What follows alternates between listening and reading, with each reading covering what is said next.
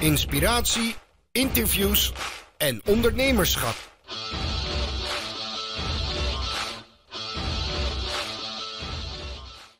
Hallo allemaal, het is hoog tijd voor weer een, een nieuw interview. En uh, vandaag heb ik wederom een, uh, een auteur te gast.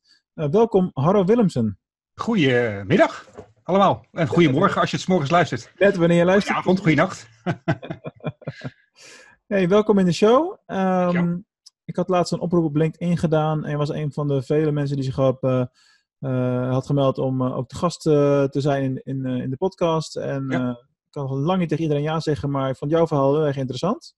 Goed zo. Um, je hebt een boek geschreven, de Power 5 methode. Daar gaan we het straks over hebben. Mm -hmm. uh, maar laten we beginnen met het uh, even kort voorstellen. Wie ben je en wat doe je in grote lijnen? Uh, Willemsen. Ik ben bijna 50, 48.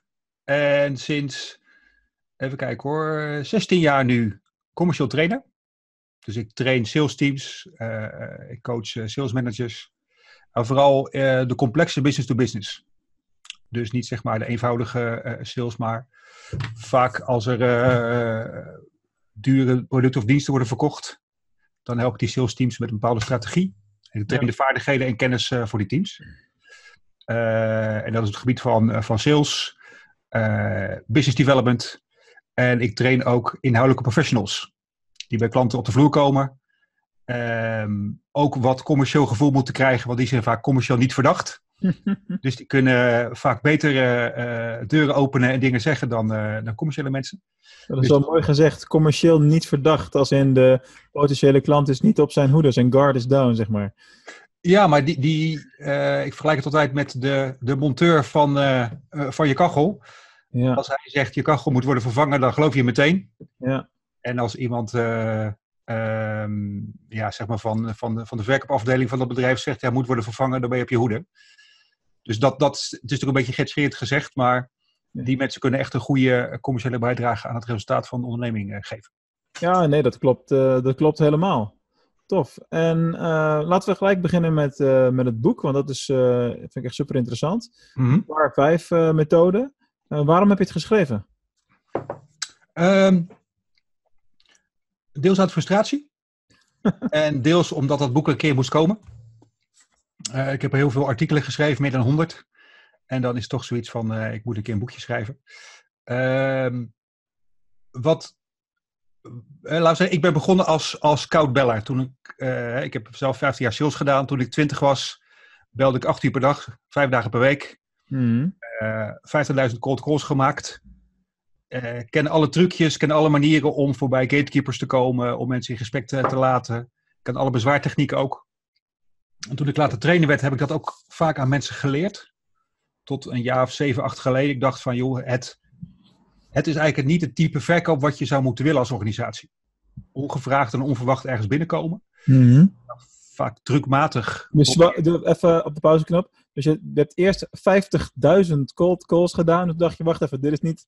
Eigenlijk moeten we dit helemaal niet willen. Nee, nee, dat, is, dat heb ik gedaan als jonge salespersoon. Ja, nee, begrijp ik wel. Maar ik vond die... Uh, die ja, nou, want ik wist niet beter. Die combinatie is gewoon briljant natuurlijk. Ja, maar ik, ik wist niet beter. Alsof dat de enige manier was. Nee, nee, oké. Okay. Um, en toen hebben wij een aantal jaar geleden gezegd... joh, wat, wat zouden we wel willen? Hebben we daar een bepaalde methodiek voor ontwikkeld. De Par 5 methode. En toen vorig jaar de AVG eraan kwam, hebben we gezegd: Oké, okay, dit is een mooi moment, een mooie aanleiding om het ook in een boek samen te vatten. En toen hebben we heel hard gewerkt, uh, tien maanden lang, om al onze ideeën in dat boek samen te vatten. Ja, precies. Oh, want je hebt het uh, met meerdere mensen geschreven? Met mijn collega, ja. Oké, okay, top. Want, uh, want, je hebt een, want hoe is jouw organisatie opgebouwd? Is, jij bent de kapitein of de, is het de samenwerking met alleen één persoon? Of hoe, we, we, we werken met z'n tweeën. En wij verdelen de opdrachten aangelang het beste past bij de organisatie. Oké. Okay. En heel vaak uh, werken we samen met een netwerk van andere trainers, een man of 15, waarin we voor grotere opdrachten of specifieke vraagstellingen ook andere mensen uh, inhuren. Mm -hmm. Eigenlijk hebben we een soort netwerkorganisatie. Ik heb ooit voorgenomen, ik wil nooit mensen in dienst hebben. en dat heb, daar ben ik nog steeds een groot voorstander van. Uh, na jarenlang zelf gemanaged te hebben, dacht ik van ik wil nooit meer mensen managen. Dus uh, ik werk alleen met mensen die uh, al heel lang in het salesvak zitten en dezelfde filosofie hebben. Ja, ik snap wat je bedoelt. Ik durf alleen niet meer aan de achterkant van mijn beeldscherm te kijken, want daar zit uh, mijn medewerker in dienst. dat verlengt, okay. het is alleen maar feest. Dat kan ook goed gaan, dat is zeg maar wat ik... Jawel, jawel, je hebt gelijk. Uh, ja. Moet ook een beetje geluk mee hebben natuurlijk. Zeker, ja. Dus, uh, top. Hey, maar uh, het boek, de Bar 5 uh, methode, kun je die methode eens, eens toelichten? Want ik neem aan dat het over sales gaat, hè? dus ja. zover zijn we nu. Maar ja. wat leren we in het boek? Um, eigenlijk hebben we de metafoor genomen van de Par 5 uit de golfsport. Waarin we zeggen dat de traditionele manier dat je een klant wil bewegen tot een afspraak of tot de doelstelling van je business development proces, is het slaan van een hole-in-one. Dat je altijd probeert in één keer die klant te forceren of te duwen en te trekken om bij hem of haar een afspraak te krijgen, zo snel mogelijk. Ja. Terwijl dat gaat eigenlijk niet. Of dat gebeurt maar heel zelden. Je moet heel toevallig geluk hebben. Ehm en we dachten, joh, eigenlijk moet je dat proces in een aantal stapjes indelen. En per stapje probeert een soort tussendoelstelling te halen. Eerst goede research, dan in beeld komen, dan een eerste connectie leggen, dan een eerste verkennend gesprek. En als alles klopt, ga je een keer een afspraak maken. Juist. Uh, dus je kiest er eigenlijk voor om langzaam te gaan. In plaats van traditioneel dat je probeert te duwen en te trekken en zo snel mogelijk te gaan. Ja. Waarbij de klant eigenlijk het tempo bepaalt.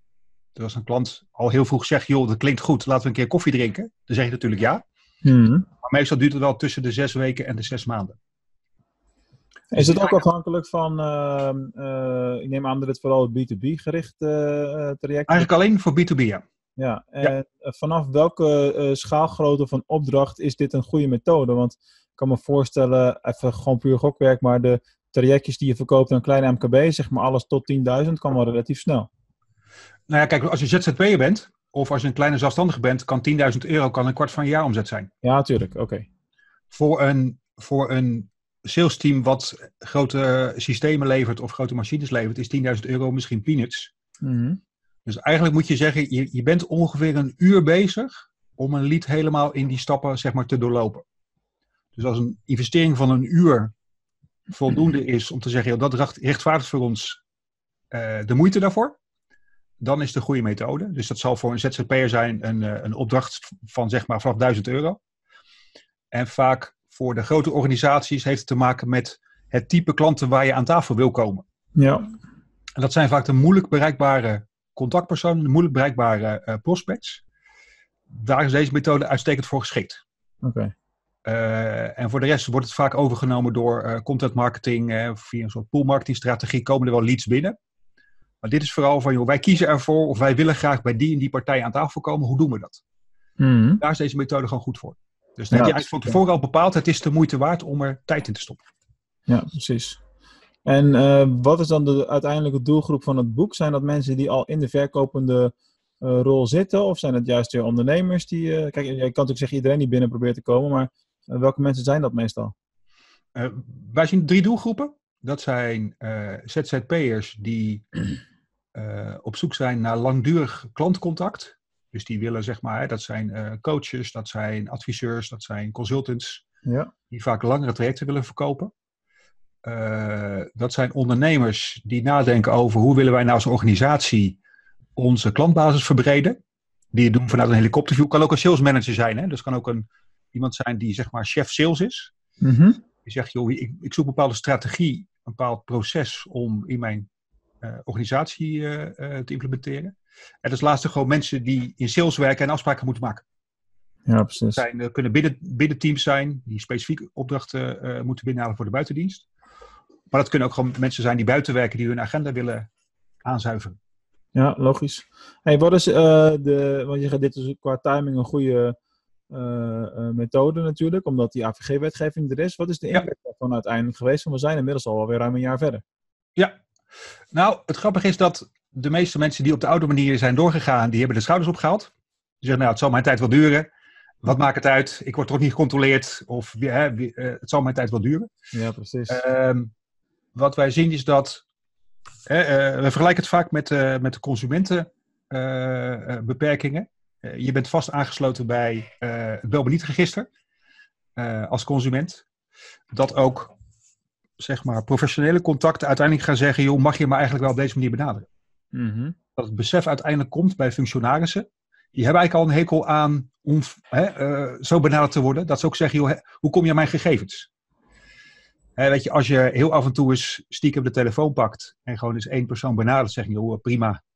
Maar als het je structurele manier is om klanten te vinden, Mhm. structureel niet volgens de AVG werkt, zeg ik, joh, dan ben je verkeerd bezig. Het zijn vaak dat soort bedrijven, dat soort salesmensen die gewoon structureel op een verkeerde manier hun mensen benaderen. Ja. Daarvan zeg ik, joh, daar moet je echt mee oppassen. Want je, je reputatie die, eh, die eh, komt te voet en gaat te paard. Dus als je bekend staat als een agressieve salesorganisatie, dan ja, kan dat een grote impact voor je, voor je, voor je bedrijf zijn. Precies, ja. Hey, en waar komt jouw eh, passie voor, voor sales vandaan? Wauw. Eh, ik, ik was eigenlijk op mijn 17 was ik de beste verkoper van Nederland. Ja, heb je Eh, toch een vraag onderuit gehaald. Hoe word je de beste verkoper van Nederland? Nee, nee, nee. Dat maakt niet uit. Eigenlijk kan ik best wel veel dingen, denk ik. Ik ben een echte generalist. Dus ik kan, eh, ik kan van alles een beetje. Ehm, en uiteindelijk ben ik vrij jong gaan werken. Eh, ja, gestudeerd en zo, dat soort dingen. Die, eh, maar vooral in de kroeg gehangen en van het leven genoten. En toen uiteindelijk dacht ik, joh, ik kan best wel veel dingen. Wat vind ik nou echt het leukste? Dat vond ik het, de interactie met klanten Mhm. het kunnen begrijpen van hoe een bepaalde business werkt. En continu dat je even een kijkje mag nemen in een nieuwe markt of een, of een, nieuwe, een nieuw type product. Dus je komt bij heel veel verschillende bedrijven binnen, bij heel veel verschillende organisaties binnen. Ja. Met veel type mensen die vaak veel meegemaakt hebben. Eh, en dat vind ik interessant. Dus ik hou echt van het kunnen discussiëren met een ondernemer of met een functionaris over, joh, wat, wat leeft er bij jullie, waar wil je naartoe? Eh, en daar zeg maar een beetje de advocaat van de duivel spelen Mhm. om daar zo een scherp gesprek te kunnen ontwikkelen. En ik heb gewoon gedacht, joh, wat, waar krijg ik energie van? En dat, dat is dit eigenlijk. Ja, ja, ja, ja. Eh, en daardoor ben ik ook heel gevoelig voor slechte sales. Dus voor iedereen die, zeg maar, probeert, hè, die zegt, joh, sales is zoveel mogelijk eh, eh, cash binnenharken. Of sales is zoveel mogelijk producten in de markt rammen. Dus ik ben er heel gevoelig voor dat ik denk, joh, dat is volgens mij sales helemaal niet. Dat is, dat is Nee, zo ja, snel- ik zit wel wel meer op jouw spoor. Eh, we hebben toevallig net een lancering achter de rug met een tweede concept. Met eh, succes met e-commerce. Op het moment dat we dit opnemen is dat twee dagen live. Dus eh, al- dat is al nu een maand geleden waarschijnlijk dan als je dit hoort. Eh, maar daar doen we het precies op die methode zoals jij het omschrijft. Dus we geven een heel waardevol rapport weg. We hebben daar advertenties op lopen. Mhm. Dus we waarde geven, waarde geven, waarde geven. Mensen moeten zelf een afspraak inplannen als ze iets willen. Ja. Er wordt eigenlijk, spreken we pas met leads op het moment dat ze zelf dat al willen. Nou ja, da- daar word ik heel blij van als je het zo zegt. ja, want uiteindelijk, uiteindelijk moet je het makkelijker verkopen, toch, uiteindelijk? Nou ja, ik denk dat, dat de belangrijkste waarde van een sales eh, professional is, eh, of de belangrijkste bijdrage is, hoe kan jij persoonlijk waarde leveren? Als je alleen maar waarde communiceert, of als je alleen maar bezig bent om een, eh, een lijstje af te werken of een systeempje af te werken. Eh, jij moet in die interactie met klanten, moet jij waarde zelf, zelf leveren. Ja, Jij moet zelf verschil kunnen maken. Je moet het gesprek interessant maken. Je moet ideeën kunnen aandragen. Je moet iemand kunnen challengen. Ja. Dat is volgens mij het mooie van het salesvak. ja nee, dat klopt. Eh, ik zal je aan de afloop wel gewoon even een boek laten zien wat daar heel erg bij heeft geholpen. Wat ook wel in jouw straatje zit trouwens. Oké, ik Daaraan- heb het vast gelezen. Maar als ik het niet gelezen heb, dan ben ik je dankbaar. Want ik ben altijd op zoek naar goede dan, laat ik hem, dan laat ik hem nu wel zien. Ik, ik heb hem alleen al in twee andere interviews ook al laten zien. En ik Ja. een beetje gênant bijna. Maar goed, anyway, het is dit boek. Sell Like Crazy van eh Sabri Oh ja, Van die Australië, toch? Is dat? Ja, Australië, precies. Ja. Ja. dat is een soort van mijn nieuwe bijbel geworden eh, de laatste maand. Oké. Eh, eh, ja, linksom of rechtsom, het werkt gewoon, weet je. Het, het- Ja. dat heel veel van die boeken zo. ehm, je, je leest het, het spreekt je wel of niet deels aan. Mhm. En het, je, het verschil maak je met het wel of niet in de praktijk brengen van, eh, van die dingen. Ja. En ik denk dat in de afgelopen vier, vijf jaar is dit nu al met afstand het boek waarvan ik het nu al weet na een maand. In ieder geval ben ik nu al het, meest, het meeste in de praktijk aan het brengen van, ten opzichte van alle boeken die ik gelezen heb. Ja. Dus dan heeft het wel een goede, gevoelige snaar geraakt. Ja, hè? ja dat, is, dat heb je af en toe. Dat je denkt, Daar gaat het even, Dit resoneert zo sterk met mij. Dit, vind ik, dit past helemaal bij mijn eigen filosofie, bij mijn eigen manier van werken. Ja. En als je ook nog lekker door wil lezen, in plaats van dat je zucht, hoe ver moet je nog, dan... eh, Nou ja, kijk, dat is natuurlijk ook zo. Hè? Ik bedoel, achter mij zit ook een boekenkast vol met businessboeken. En eh, ja, ik denk dat driekwart daarvan, dan lees je de helft en dan eh, op een gegeven moment ga je niet verder. En. Er zitten er misschien tien tussen, waaronder deze dan, waarvan ik weet, die had ik binnen een week, was ik klaar. Ja, ja. En dat Ja, zijn ook een aantal hele goede boeken waarvan ik alleen bij de helft goed vind. Maar die vind ik zo goed dat, dat ik het hele boek aanraad. Ja, ja, ja. Maar er zijn gewoon een aantal klassiekers. En ik vind het ook wel een gaaf, eh, gaaf boek. En wat is jouw grootste boek, boekentip? Je eigen boek dan natuurlijk, hè? dat is logisch. nou, ik denk dat, dat weet je, er verschijnt in Nederland niet zo heel veel goeds, vind ik, over sales. Het is heel veel dan het herhalen van Ja. anglo-saxische eh, literatuur. En ik vind de Challenger Sale en de Challenger Customer, die combinatie van het CEB in, in, eh, in de Verenigde Staten, die hebben echt wel voor mij een nieuwe stap gezet richting de professionalisatie van business-to-business sales. Mhm. Voorheen had je dan eh spin selling en solution sales. Dat is al eind jaren 80, begin jaren 90. Er komt een hele tijd niks. En dit was eigenlijk in 2011 voor het eerst dat je dacht van wauw, hey, ik voel me gechallenged zelf. Van, wa- waar ben ik eigenlijk zelf mee bezig? Ja. En een goed boek moet je volgens mij laten twijfelen over hoe je werkt. En inspireren om dingen te proberen. Ja, dat, eh, dat, dat is inderdaad meestal zo. Bij dit boek specifiek had ik dat niet. Had ik meer zoiets van, oh, we doen eigenlijk al 95% van wat hierin staat, maar die 5% Oh ja. is hetgene wat het verschil maakt. Dat Ja, is heel vaak zo. Dat is dan het verschil tussen iets, iets goed doen of iets supergoed doen. Eens. Dat, eh, goed, dat, eh, dat heb je En in soms. sales is er geen, eh, geen medaille voor tweede plaats. Nee, nou ja, die moet je sowieso niet geven, vind ik. Maar dat is weer een heel andere discussie. Eh, zeker met als ouders heb je het daarover over wel eens natuurlijk. eh, Zeker. Ja. Hey, eh, over eh, het leven eh, gesproken. Je bent ook een keertje teruggekomen van een, eh, een burn-out. Zeker. Ehm, wat voor impact heeft dat op jouw leven gehad? Eh, ik denk qua verandering in mijn leven, een van de, ja, dat heeft de meeste impact gehad van de afgelopen twintig jaar, denk ik. Kijk. Dat je tot de ontde- ontdekking komt dat je ook een lichaam hebt, dat je bepaalde grenzen hebt, Ja, dat dat lichaam al jarenlang eh, loopt te roepen dat je het wat rustiger aan moet gaan doen, of wat meer respect moet eh, tonen daarvoor. En dat het verstandig is om te kijken hoe je je hoofd en je lichaam zeg maar wat congruenter kan maken. Dat, eh, dat het is één systeem zeg maar. Dus je kan wel zeggen, joh, ik, eh, ik ben lekker in mijn hoofd bezig en ik krijg er energie van en het gaat goed.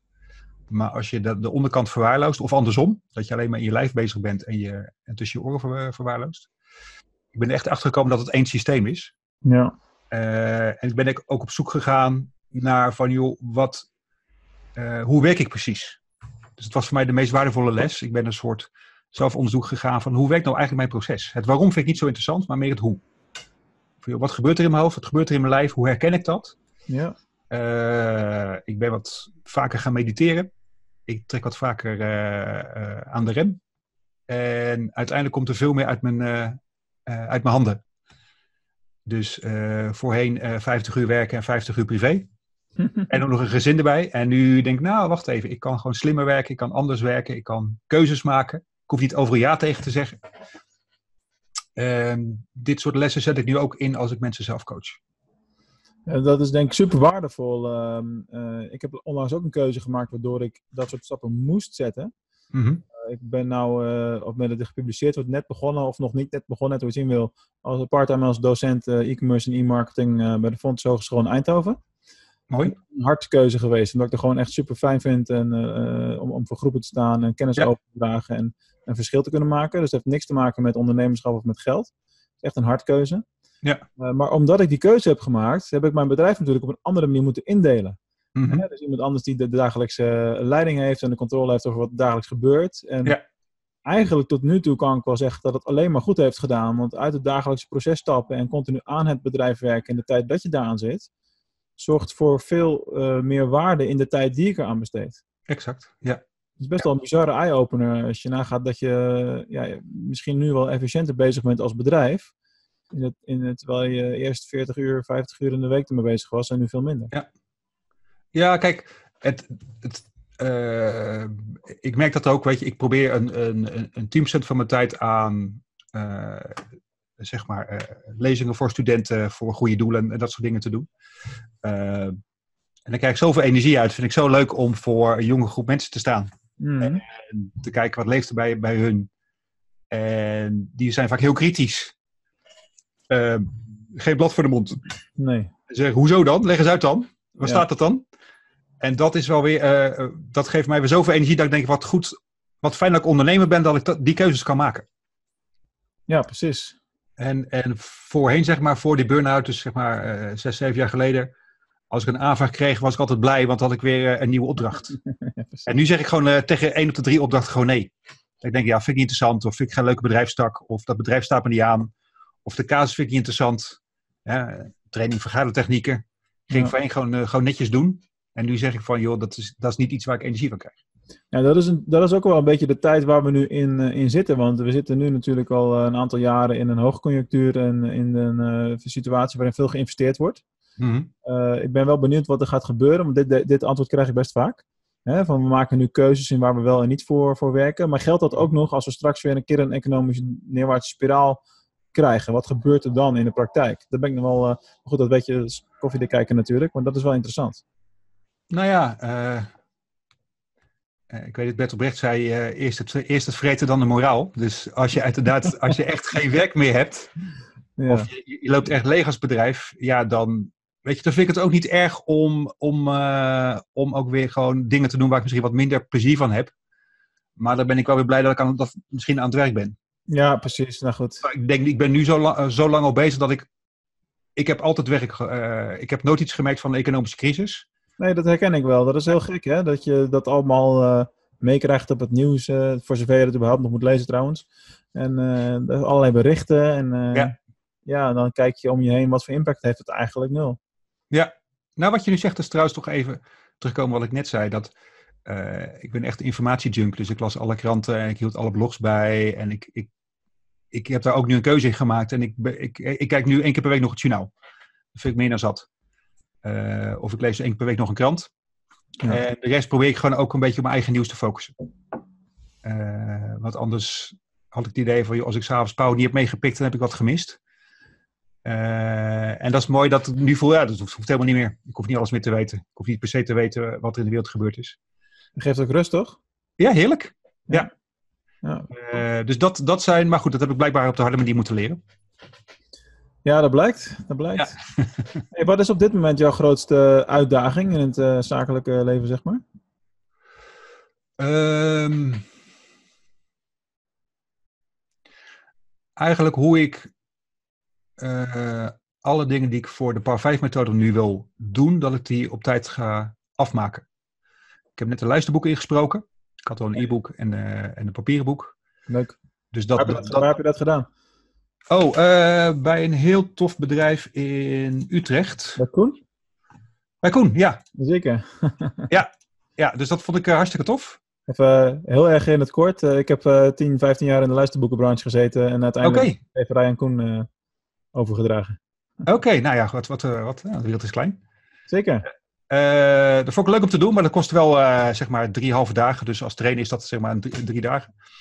Eh, en ik ben ook bezig om een, eh, een online training te maken voor de PAR 5 methode.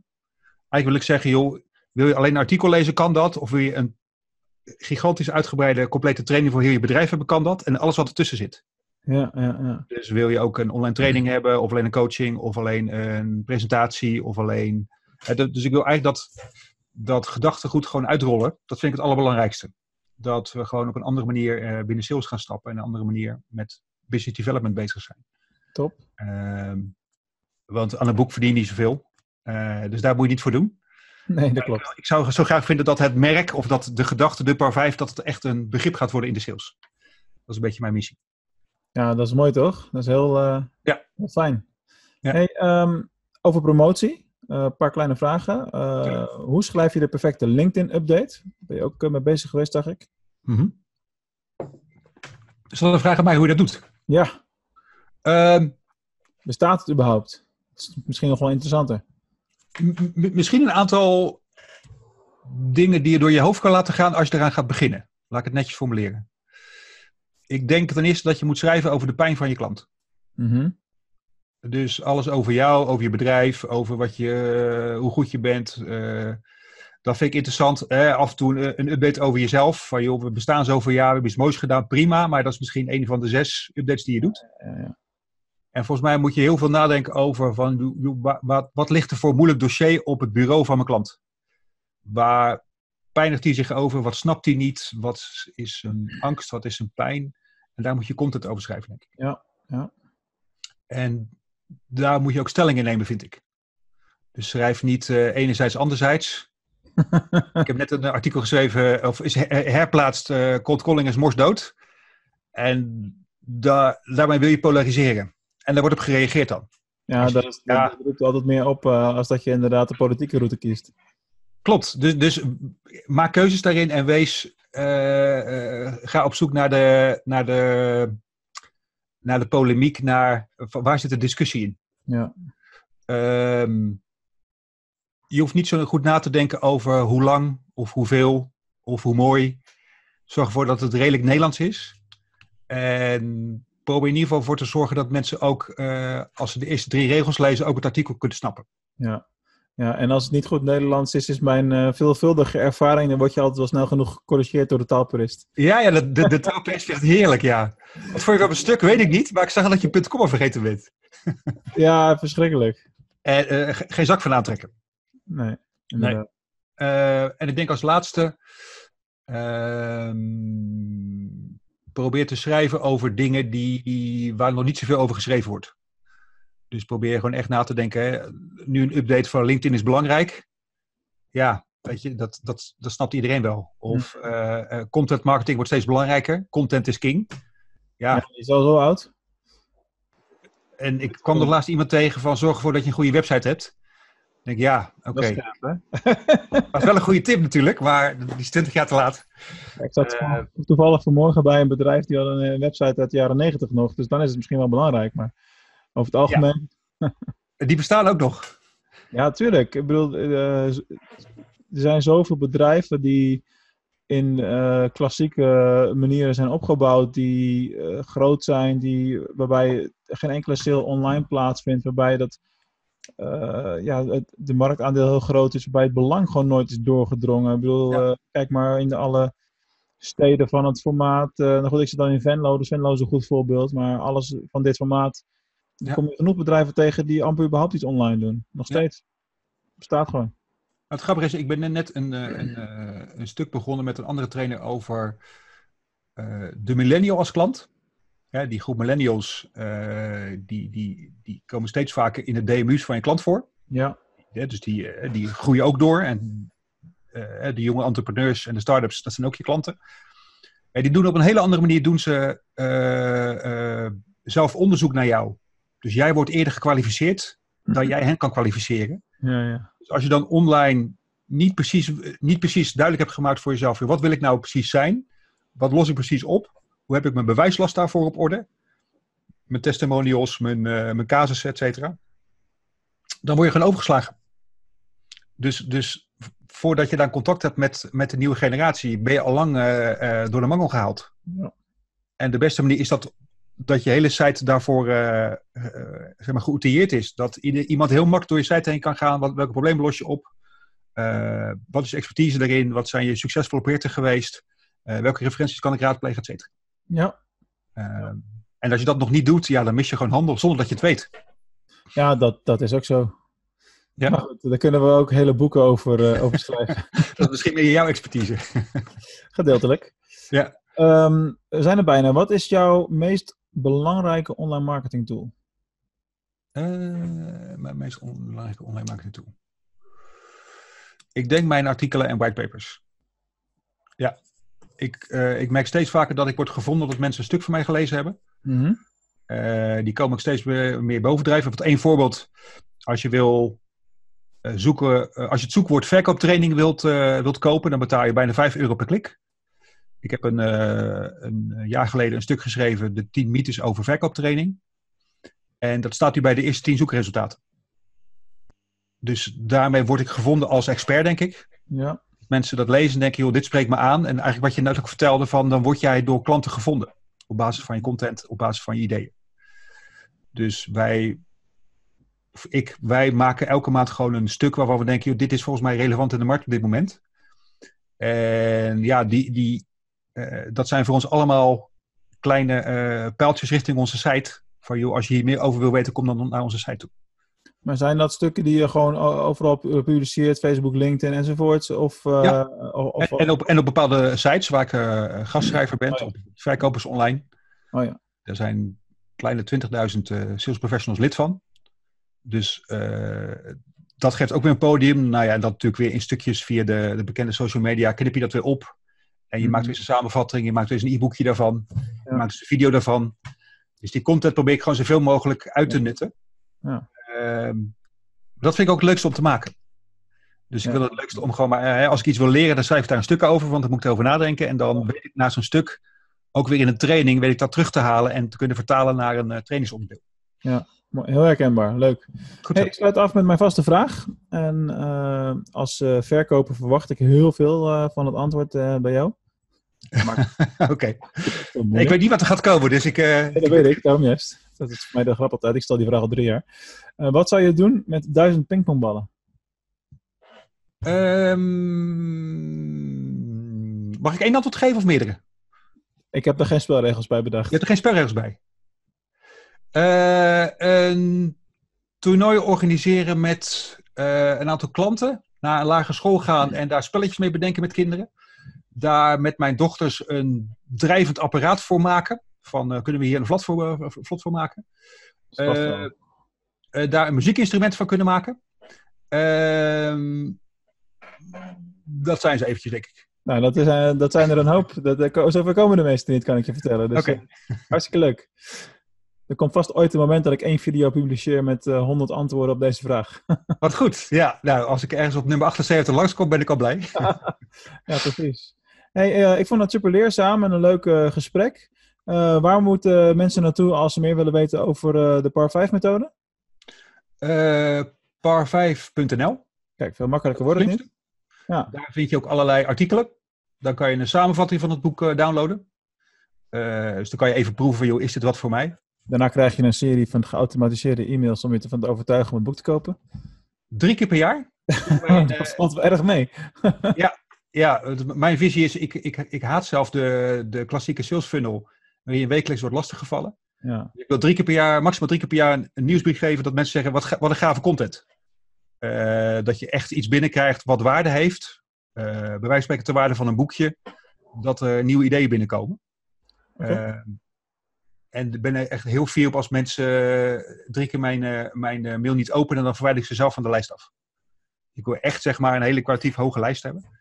Ehm, en als je verder het boek wil, je kan eh, online naar wat filmpjes kijken van ons. Zoek even op par 5 methode of iets dergelijks. Cool. Ehm, eh, vind je het leuk om jouw kijkers ook een kortingscode te geven voor het boek? zeker. zeker. Ja? Even denken, wat, wat is een goede kortingscode eh, voor jou?